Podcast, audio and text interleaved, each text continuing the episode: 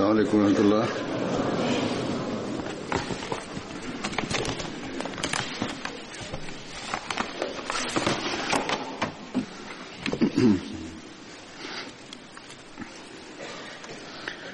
أشهد أن لا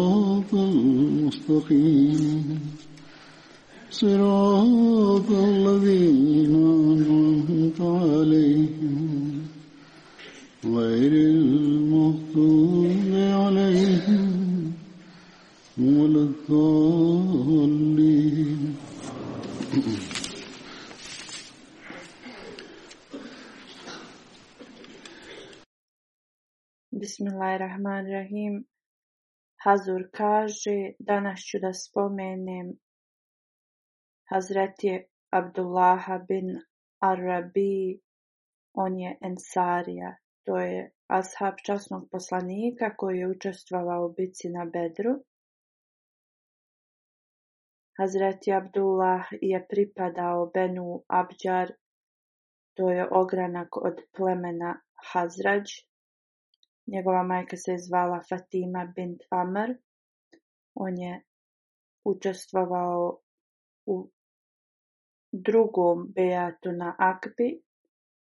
Također je imao čast da učestvuje u bici na Bedru, Uhudu i Malta. On je postao šehid u bici na Mauta. Sljedeći ashab je Hazreti Atija bin Nuveira radijalahu anhu učestvovao je u bici na Bedru i ovo su jedine informacije o njemu. Sljedeći ashab je Hazreti Sahal bin Kejs.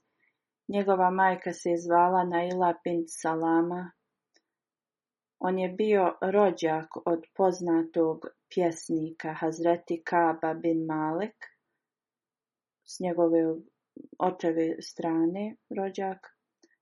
Sahal je učestvovao u bici na Bedru i Uhudu i bio je, postao je šehid u toku bitke na Uhudu. Svake godine časni poslanik sallallahu alejhi ve bi posjećivao mezare šehida sa Uhuda i kad bi dolazio u tu dolinu rekao bi salamun alejkum bima sabertum fenime puk bedar. Ovaj ajet iz sure Ar-Rad počinje sa salamun umjesto salamun i znači selam vama zato što ste bili strpljivi. Gledaj kako je lijepo krajnje boravište. Hazreti Ebu Bekr, Hazreti Omer i Hazreti Osman radijalahu anhu su nastavili ovu poslanikovu tradiciju da posjećuju mezarje šehida sa Uhuda. Također kad bi Hazreti Muavija dolazio na umru ili hađ i on bi posjećivao mezare šehida sa Uhuda. Časni poslanik sallallahu alaihi veselem bi govorio kako ja želim da sam ja s ljudima s planine. U drugim riječima to znači on je želio da je postao šehid sa ljudima na Uhudu. Slično kad bi god Sad bin Vakaz posjećivao svoje imanje na jednom selu zapadno od Medine, posjećivao bi mezare šahida sa Uhuda. Nazivao bi im selam tri puta, pa bi se okrenuo ljudima koji su bili sa njim i rekao, zar nećete nazvati selam onima koji će vam ga odgovoriti? kogod im nazove salam, oni će mu ga odgovoriti na sudnjem danu. Jednom je časni poslanik salallahu alaihi veselem prošao kraj mezara Musa bin Umeir. Zastao je, pomolio se za njega i proučio sljedeći ajet. Minel mu'minine riđalu sadaku ma ahadullaha alaihi فمنهم من قضى نحبه ومنهم من ينتظر وما بدلوا تبديلا Ovaj ajet znači Među vjernicima ima muškaraca koji su iskreni prema zavjetu koji su dali Allahu i među njima je i onaj koji je ispunio svoj zavjet postajući šehid. I među njima je i onaj koji još čeka i oni nikako nisu promijenili svoje ponašanje. Onda je dodao ja svjedočim da na sudnjem danu Allah će ih smatrati kao šehide. Onda je još dodao da trebate da ih posjećujete i nazivate im salame. Kunem se onim koji ima moj život u svojoj ruci, da će na sudnjem danu oni odgovoriti na te salame. Ashabi časnog poslanika sallallahu ve veselam su posjećivali šehide Uhuda i selamili su ih i molili se za njih.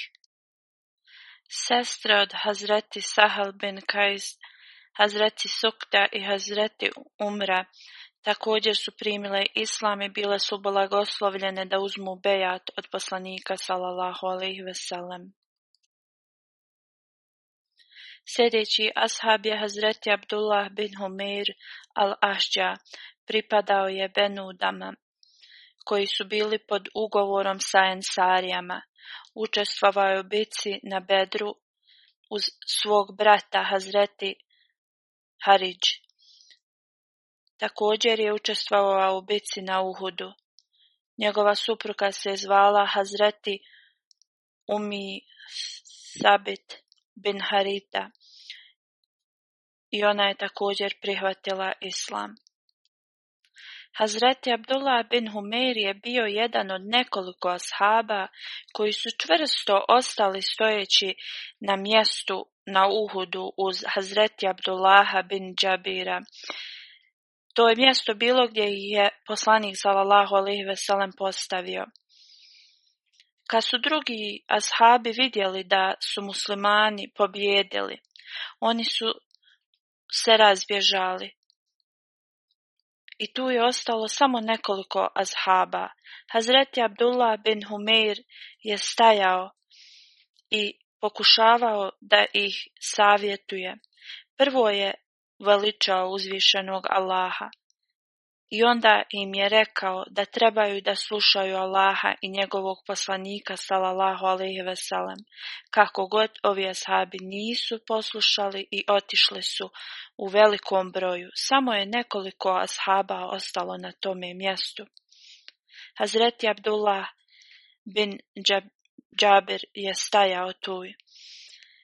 Kad je Halid bin Velid i Ikrama bin Ebu Džehel vidjeli da je taj propust i to mjesto ostalo samo, na tom mjestu ostalo samo nekoliko muslimana, oni su došli i napali tu grupu. Ovi muslimani su prvo bacali strijele na njih i onda su oni prišli njima i svi su postali šehidi. Hazreti Mirza Bashir Ahmed je napisao u njegovoj knjigi Sirat Hatamu Nebijin u vezi ovog događaja. On piše časni poslanik sallallahu alaihi veselem uz veliko vjerovanje u uzvišenog Allaha je krenuo prema Uhudu i stavio je svoj kamp na Uhudu.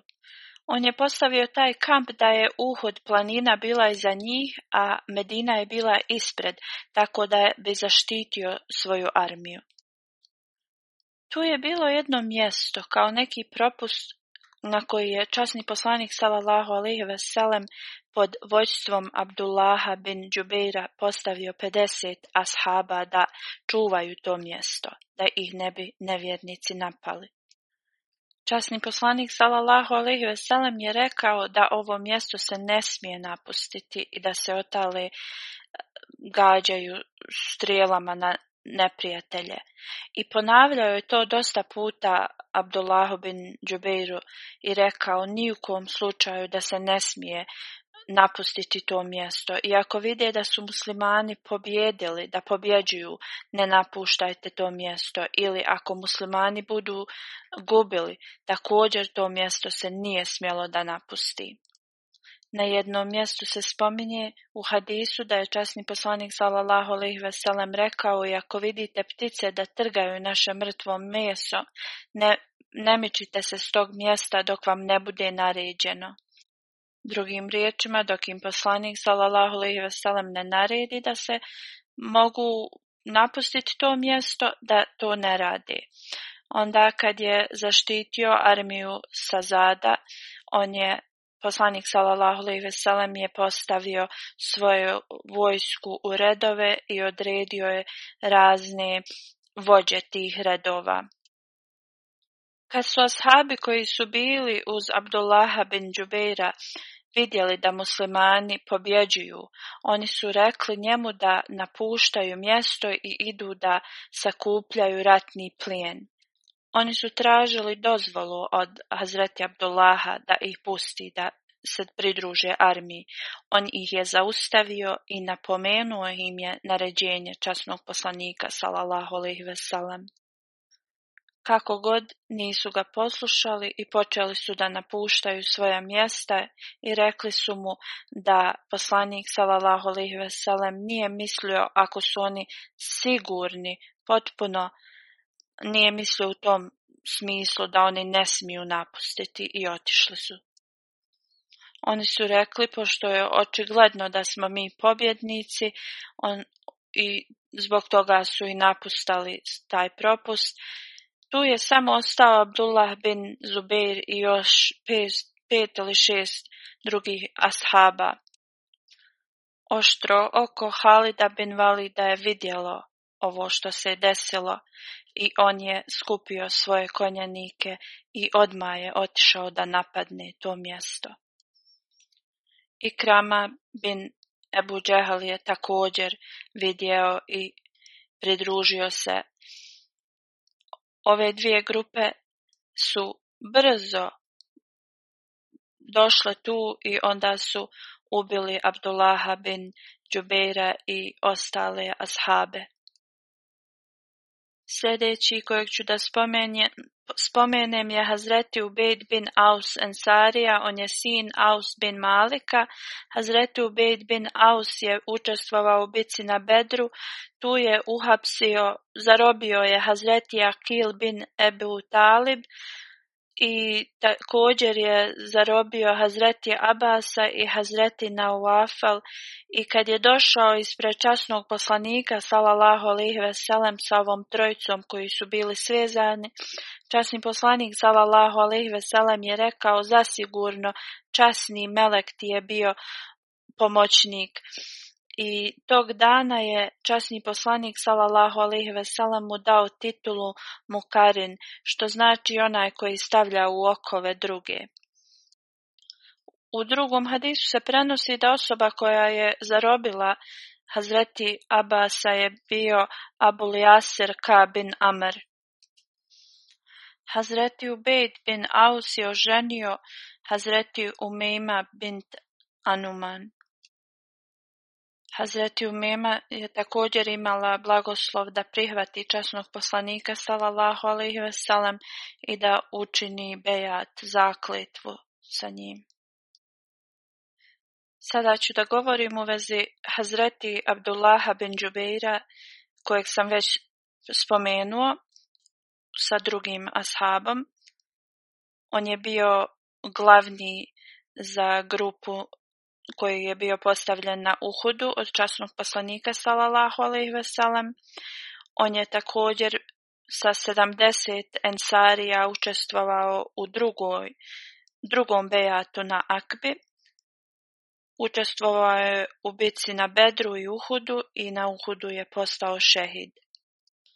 Hazreti Abul As, koji je bio suprug Hazreti Zeynep, kćerke poslanika sallallahu alejhi ve je učestvovao u bici na Bedru na strani neprijatelja i Abdullah bin Džuber je bi, on ga je zarobio.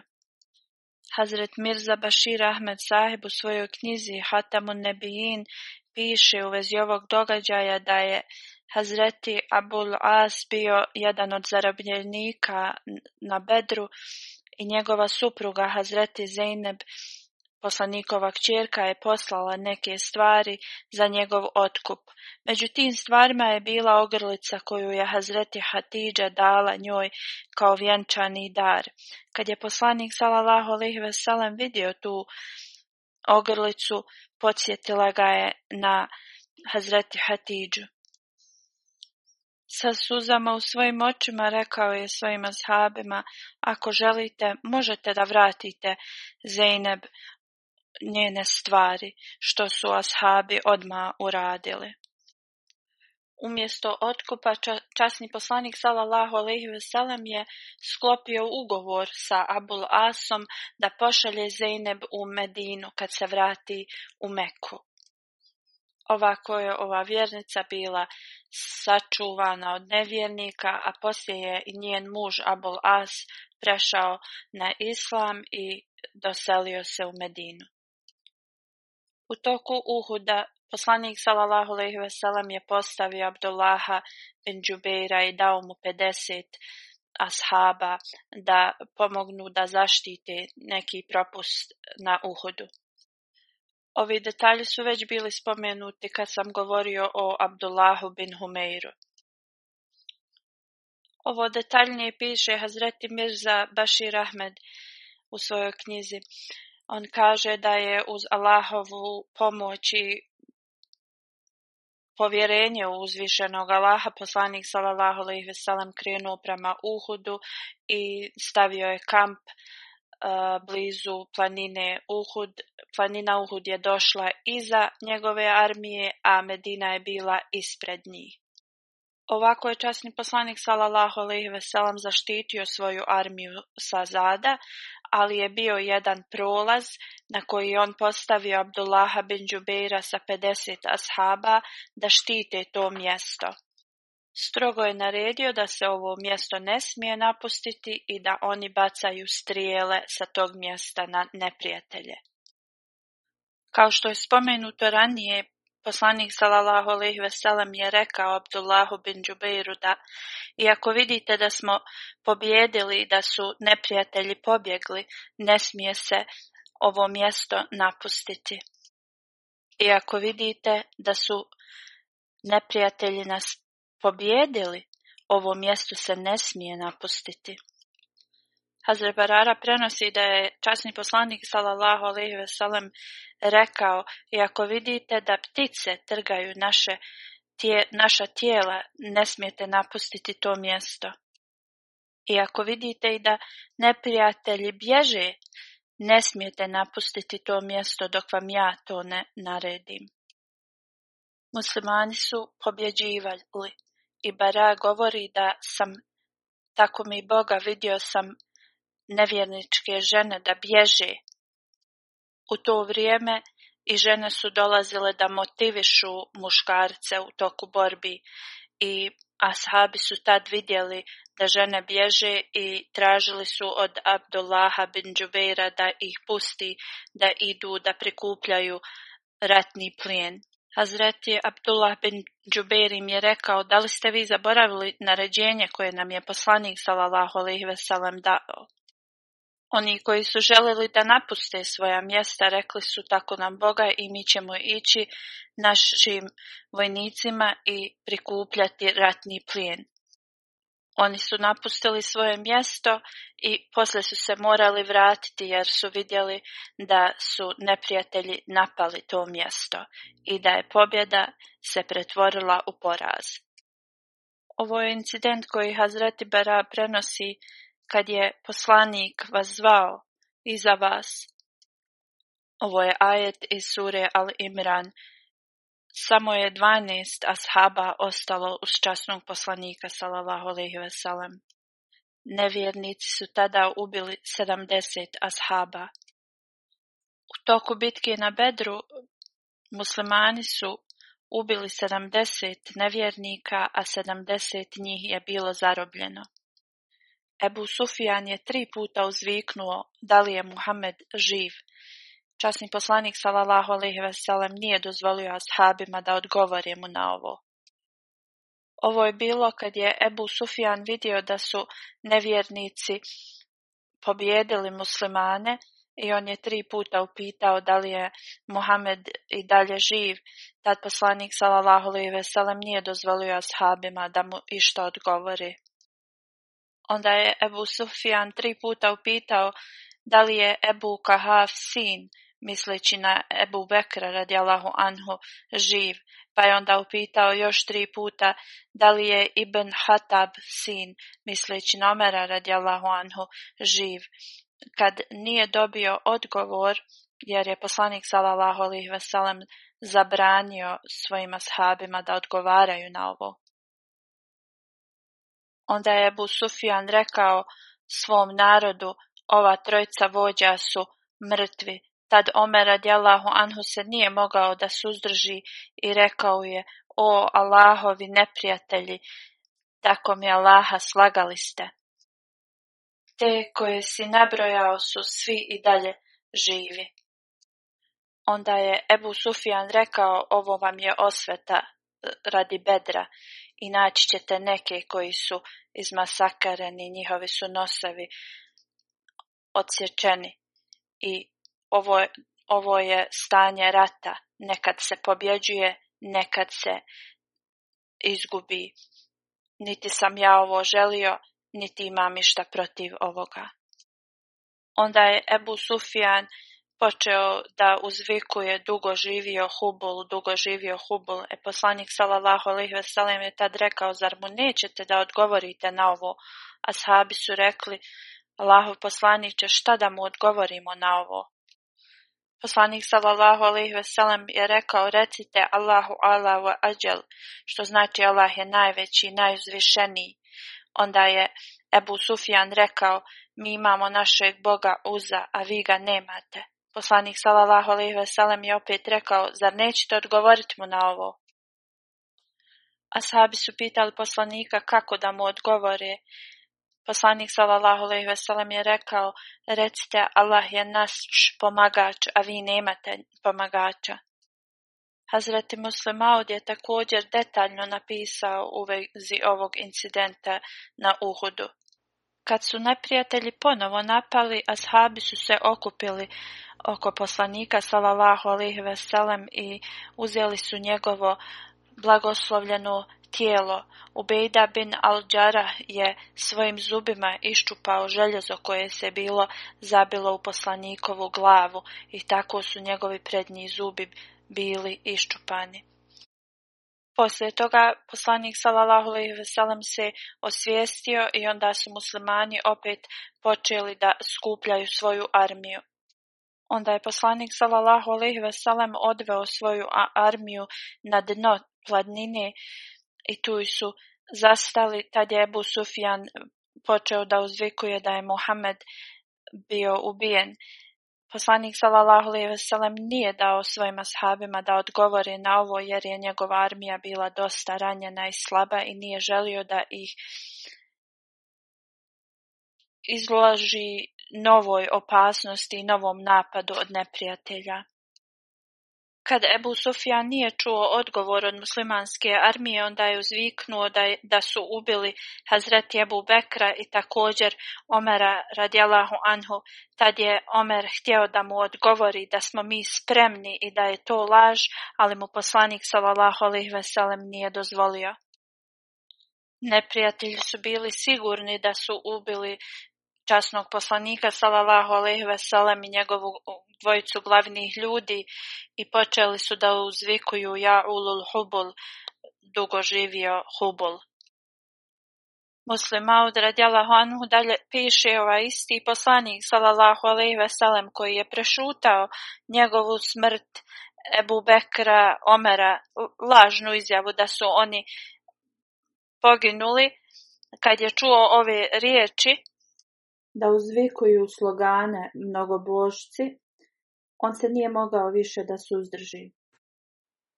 Poslanik sallallahu alih veselam je pitao svoje ashabe zašto im ne odgovore na to. Ashabi su rekli Boži poslaniće šta da im kažemo. Poslanik je rekao Allahu Allah wa ađel. Recite im da lažu da je ubal uzvišeni. Recite da je Allah onaj koji je jedan i nema partnera, da je on časni i najuzvišeniji i ovako im je dao do znanja svim ovim neprijateljima da je on živ. Ovo je obeshrabrilo neprijatelje, iako je muslimanska vojska bila vrlo mala i vrlo povrijeđena oni nisu imali hrabrosti da napadnu ponovo i vratili su se zadovoljni sa svojim uspjehom. Hazreti od dalje komentariše ajet iz Kur'ana. Fel jahze dine juhalifuna an amrihi an tusibahum fitnetun au Yusibahum azabun alim. Zato neka se oni koji su protiv njegove naredbe boje da ih kušnja ne zadesi ili da ih teška kazna ne stigne.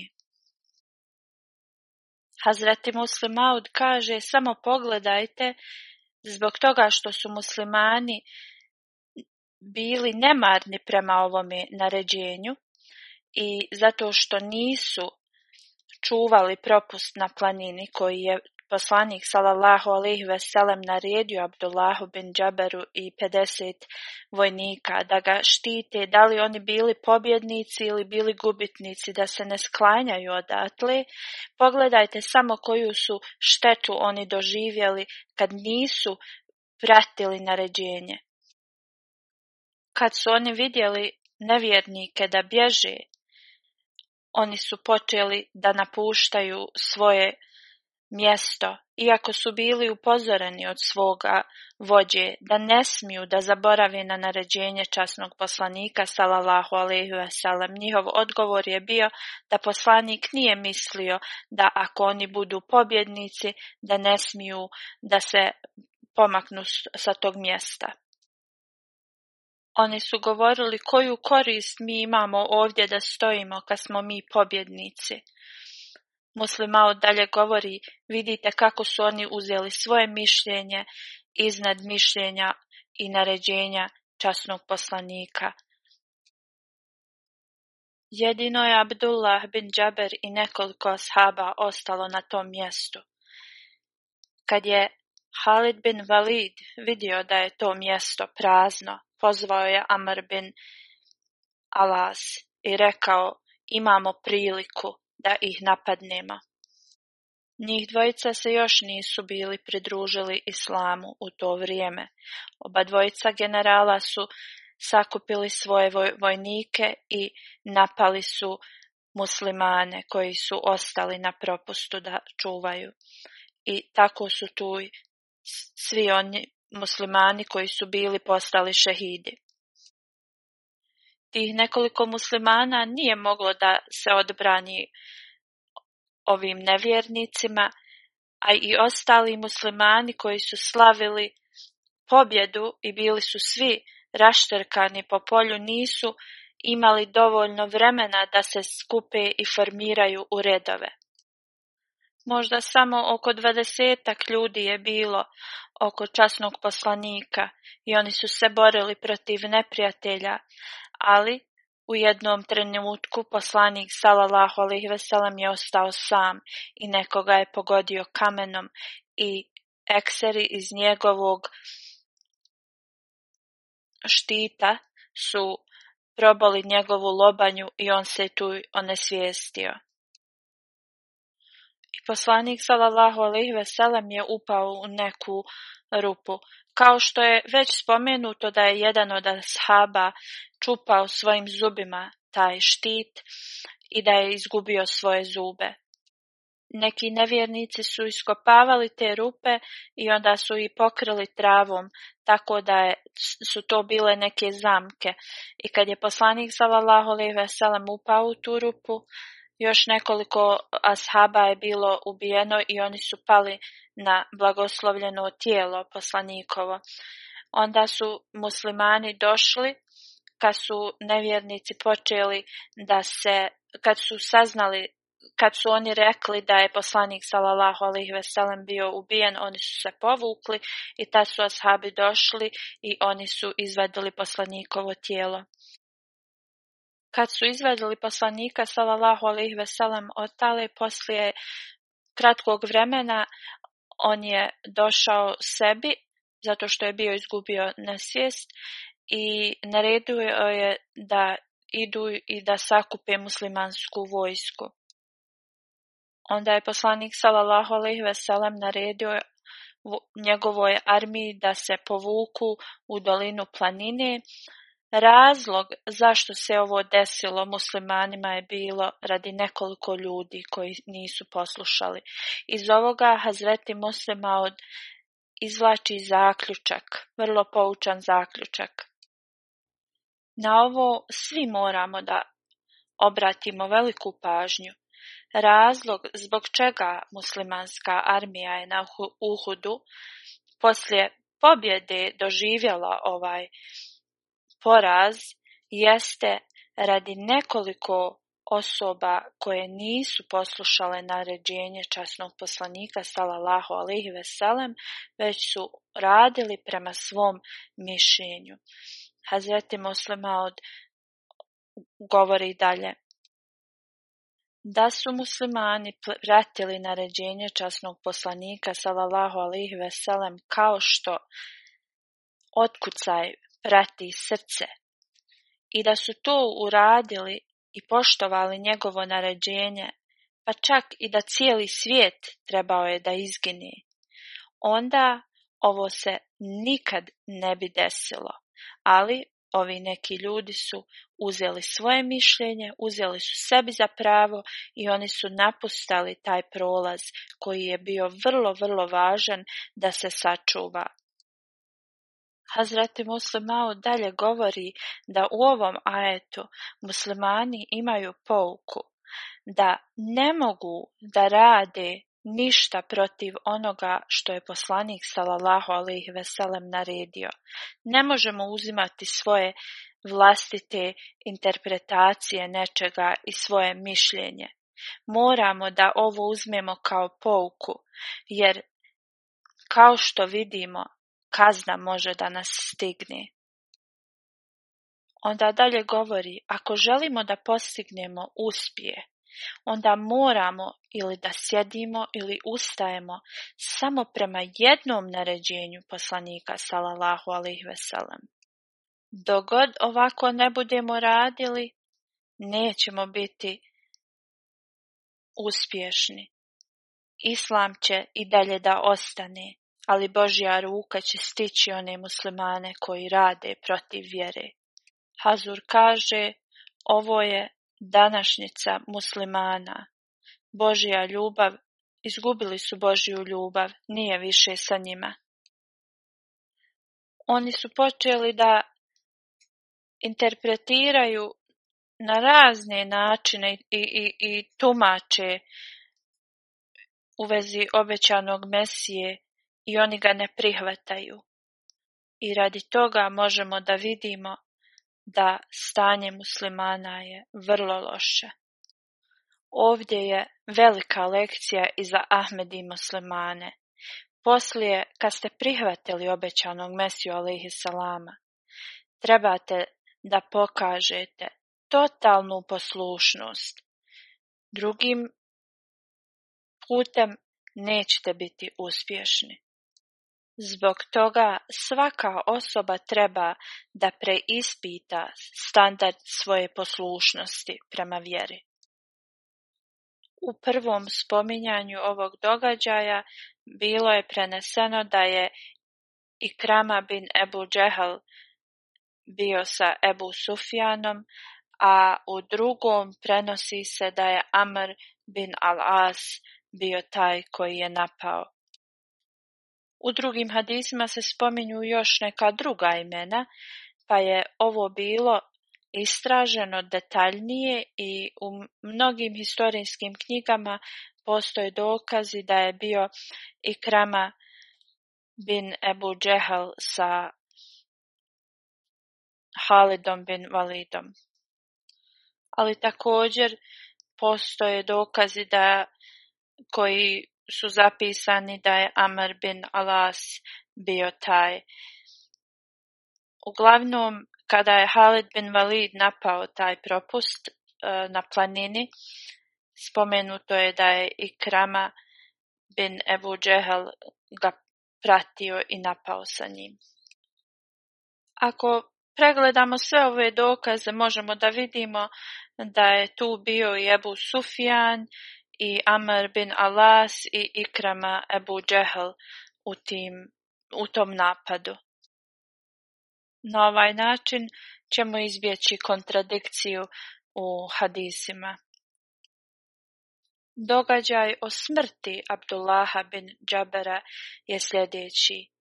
Kada su napali neprijatelji, on se borio sa njima, gađaju je sa strijelama.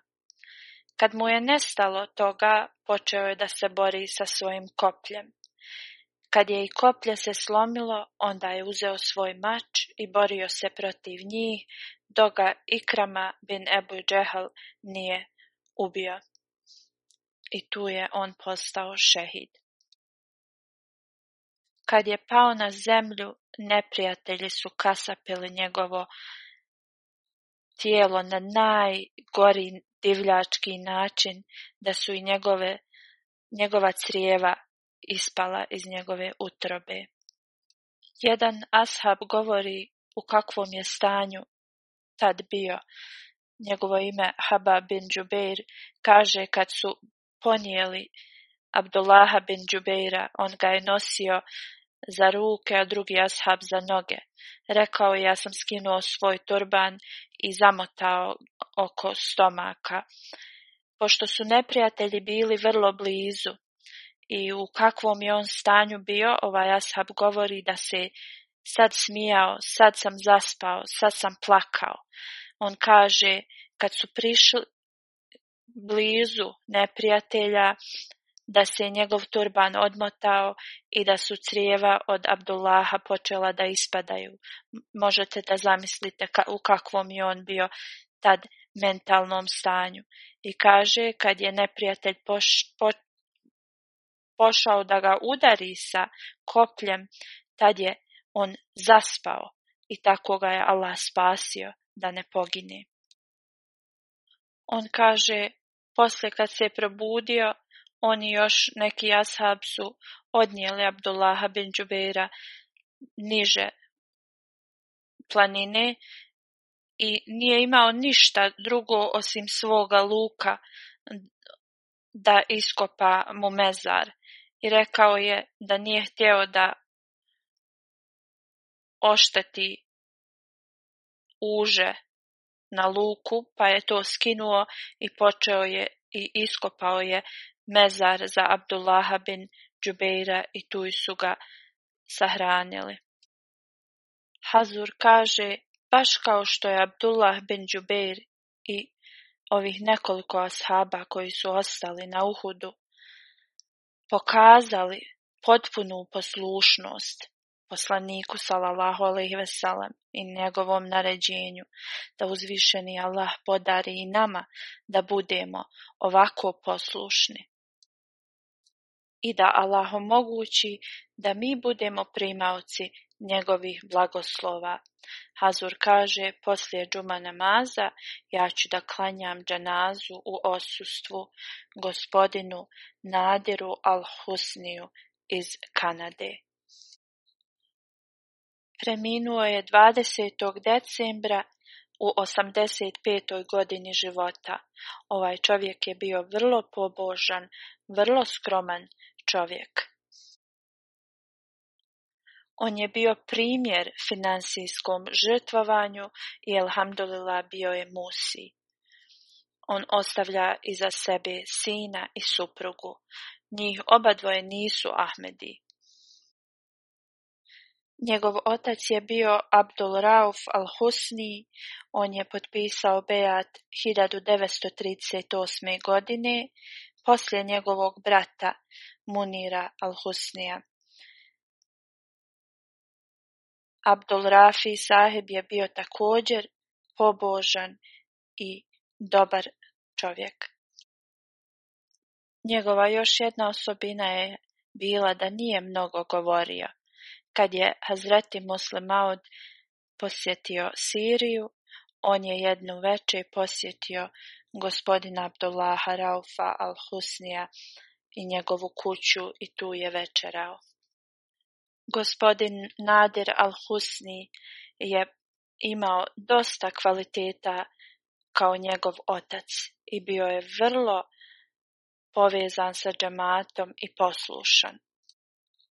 Amir Kanade, to jeste glavni za Ahmedija džamatu u Kanadi, piše da gospodin Nadir kada je Beytul Islam džamija bila otvorena, vozio bi svake sedmice četiri sata u jednom pravcu da klanja džuma namaz. I on kaže, često bi mu govorili da se ne vraća isti dan, ali bi on nama uvijek dao neki razlog, a to je bilo da ne želi da džemat ima ikakvih obaveza što se tiče njega i vraćao bi se tog dana svojoj kući. On je ovo nastavio do zadnjeg, do zadnje bolesti, zadnji, do zadnji put kad se razbolio i on je također bio mu jezin u Bejtul Islam džami i učio ezan na specifičan način gdje bi svi prisutni bili dotaknuti njegovim emocijama u tom ezanu. Njegova supruga Sumija, gospođa Sumija piše, ona nije Ahmedi muslimanka, piše da uzvišeni Allah podari mu boravište u džennetu. Bio je vrlo dobra, iskrena, povjerljiva osoba za svoju porodicu, a također i za džamat. Ona kaže, pružao je pomoć svima. Do same njegove smrti, kad bi god posjećivali jednu gospođu koja nije Ahmedi, prvo bi otišli u market i on bi kupio sve što je potrebno za nju i to je nastavio do same svoje smrti da radi za nju. Ona dalje kaže da nikad nije vidjela strpljiviju osobu u svojoj bolesti kao što je bio njen muž. Na njegovim usnama bi uvijek, alhamdulillah, bilo. Bio je vrlo bogobojazan i zahvalan uzvišenom Allahu, uvijek je redovno klanjao svoje namaze i tahadžud i svi koji su ga znali, znali su ga kao bogobojaznu osobu. Gospodin Mutazil Kazak piše, u toku mog boravka u Siriji čuo sam u vezi Nadir al-Husni gospodina. On je bio vrlo pobožena osoba i uvijek je bio veseo. Kad sam razgovarao sa njim, bio sam puno impresioniran koliko je volio hilafet i koliko je volio da se sastaje sa prijateljima u džamiji. On piše njegova regularnost u namazima bila je primjer za svi u nas. On dalje kaže kad je on preminuo, ja sam bio zadužen kad je njegova supruga i sin došli u Toronto da im pomognem u vezi dženaze i svih tih procesa. Njegova supruga kaže, poslije kad je on preminuo, imaju tri džamije u tom gradu gdje žive i sve tri džamije su je pitali u vezi njegove dženaze gdje će da se održi. Ona je rekla, i ona nije Ahmedi muslimanka, ona je rekla da njegova dženaza će se klanjati u džamiji u kojoj je on klanjao. Ovaj čovjek dalje piše, kad smo spustali njegovo tijelo u mezar, sjetio sam se svoga Amidže, Hadžije, Sani, Kazaka i zaplakao sam. Kad je on bio u zadnjim danima svog života, bio je puno bolestan, ja sam provodio vrijeme sa njim on je jednog dana rekao, posalami mi emirul mu'minina i reci mu da ga mnogo volim i da ću ostati lojalan hilafetu do zadnjeg mog daha. Kazak sahib dalje govori, mislim da je on preminuo u vrijeme halifatul Mesih trećeg, ali nije siguran, ali u svakom slučaju ovo su bile njegove riječi i on kaže kad pomislim na gospodina Nadira imam isto mišljenje o njemu i koliko je on bio povezan s hilafetom i bio poslušan. 3. maja 1955. godine kad je Hazreti muslima posjetio Siriju. On se sastao sa Ahmedi muslimanima iz Sirije i rekao im je da Pola stoljeća prije, kad mnogi od vas nisu bili ni rođeni, obećani Mesija je dobio objavu od uzvišenog Allaha da će pobožni ljudi iz Sirije i arapskog porijekla da se mole za tebe. Tako on je rekao da ovaj skup na kojem je on bio sa njima je bilo ispunjenje tog predskazanja obećanog Mesije alaih salama. Amar al-Miski, sahib koji radi u Tapširu u Londonu, govori da je gospodin Nadir imao vrlo blisku vezu sa Hazreti Čaudri Zafarila Hanom i on kaže da je on preveo knjigu od eh, Čaudri Zafarula Kana Sahiba na arapski. On je imao vrlo jaku vezu sa džamatom i nikad ne bi tolerisao komentare koji su vrijeđali obećanog Mesiju alaih salama ili njegove halife. Jednom kad je gospodin Nadir sa svoja dvojica dva brata otišao da izrazi nekome saučešće. Tu je bio šejk Albani, poznati šejk iz Sirije, i sa svojim uh, učenja pristalicama i jedan od njih je počeo da govori vrlo ružne riječi u vezi obećanog Mesija Lejselama. Tad je gospodin Nader skočio i rekao ako neko želi od vas da stupi u debatu sa mnom, izvolite. Niko od tih, ni taj šejk i bilo je sa njim više od 15 njegovih pristalica, nije želio da uđe u debatu sa njim, već su počeli da i napali su ih fizički. Tako da su ljudi, drugi neki ljudi koji su došli tu da izraze isto saučešće, su zaustavili tu svađu između. On nikada nije ispuštao priliku da drugima govori o vjeri. I tako kad je završio školu, došao je u Ameriku da studira mehanički inženjering i tu je počeo da razgovara o vjeri sa nekim jevrejima, oni nisu imali odgovore za njega i bili su vrlo ljuti i otišli su kod direktora tog fakulteta i žalili su se na njega i rekli su ako ga ne izbaci da će oni slagati nešto puno na njega, tako da je njegov direktor sa tog fakulteta pod njegovim savjetom on je napustio sam taj fakultet i preselio se u Kanadu. Njegova sva pažnja je bila na čitanje knjiga obećanog Mesija Ali Salama i Halifa. Također je snimao arapske knjige i onda bi ih slušao. Prevodio je perzijske kaside na arapski jezik. On je upotrebljivao svo svoje znanje da prevodi literaturu džamatsku na arapski jezik. On je bio na, u timu koji su preveli pet knjiga dugo pre, prevodi komentari časnog Korana.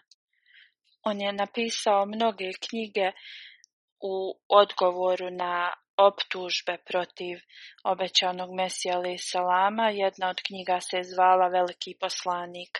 On je imao veliku biblioteku i rekao je poslije njegove smrti da sve knjige iz biblioteke budu dodijeljene džamatu. Abdul Kadir Odeh Saib govori da je osoba koja je preminula eh, pisao knjige u vezi džamata i on bi o svom trošku ih objavljivao i štampao. Bio je iskren i uvijek je govorio drugima da se financijski žrtvuju.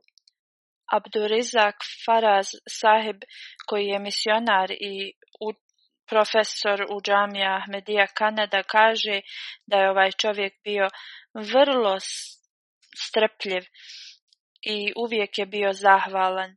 U toku zadnjih godina on nije mogao da jede hranu kroz e, usta. Preko mašine bi dobivao direktno hranu u njegov stomak, ali ovoga nije nikad zaustavilo kad bi mu bilo bolje da putuje i dolazi u džamiju. Kad je situacija u Siriji se pogoršala i mnogi Arapi su počeli da dolaze u Kanadu, uvijek bi vrlo rado išao da ih e, upozna i uvijek bi im davao savjete. Da sačuvaju svoju djecu u ovom društvu, moraju ih dovoditi u džamiju i moraju da budu uvijek u vezi sa džamatom gospodin Šemšur piše da je on slušao hudbe i da bi printao i čitao ponovo. On kaže često sam bio pozvan da budem njegov gost i uvijek je ustajao sat ili sat i po prije sabah namaza da klanja tahadžud i u u njima sam čuo koliko plače i moli gospodara. Gledao je MTA regularno, jednom kad mu se pokvario MTA odmah je nazvao džamat da mu se to popravi. Uvijek je molio o Allahu učini da dobijem blagoslov preko hilafeta da uzvišeni Allah mu podari visok status u dženetu i da podari njegovoj suprugi i sinu da uđu u bejat sa obećanim Mesijom i da uzvišeni Allah prihvati njegove molitve za njih. Amin.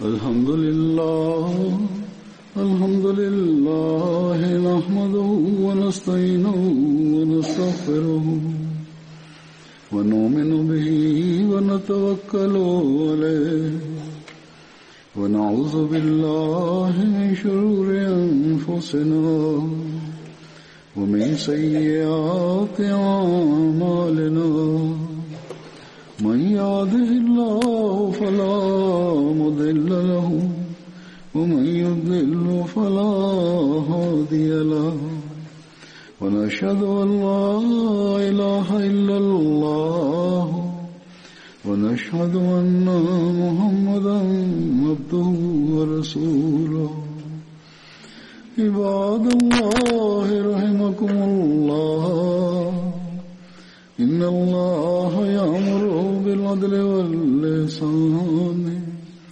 وإيتاء ذي القربى وينهى عن الفحشاء والمنكر والبغي يعظكم لعلكم تذكرون اذكروا الله يذكركم ودوه يستجب لكم ولذكر الله أكبر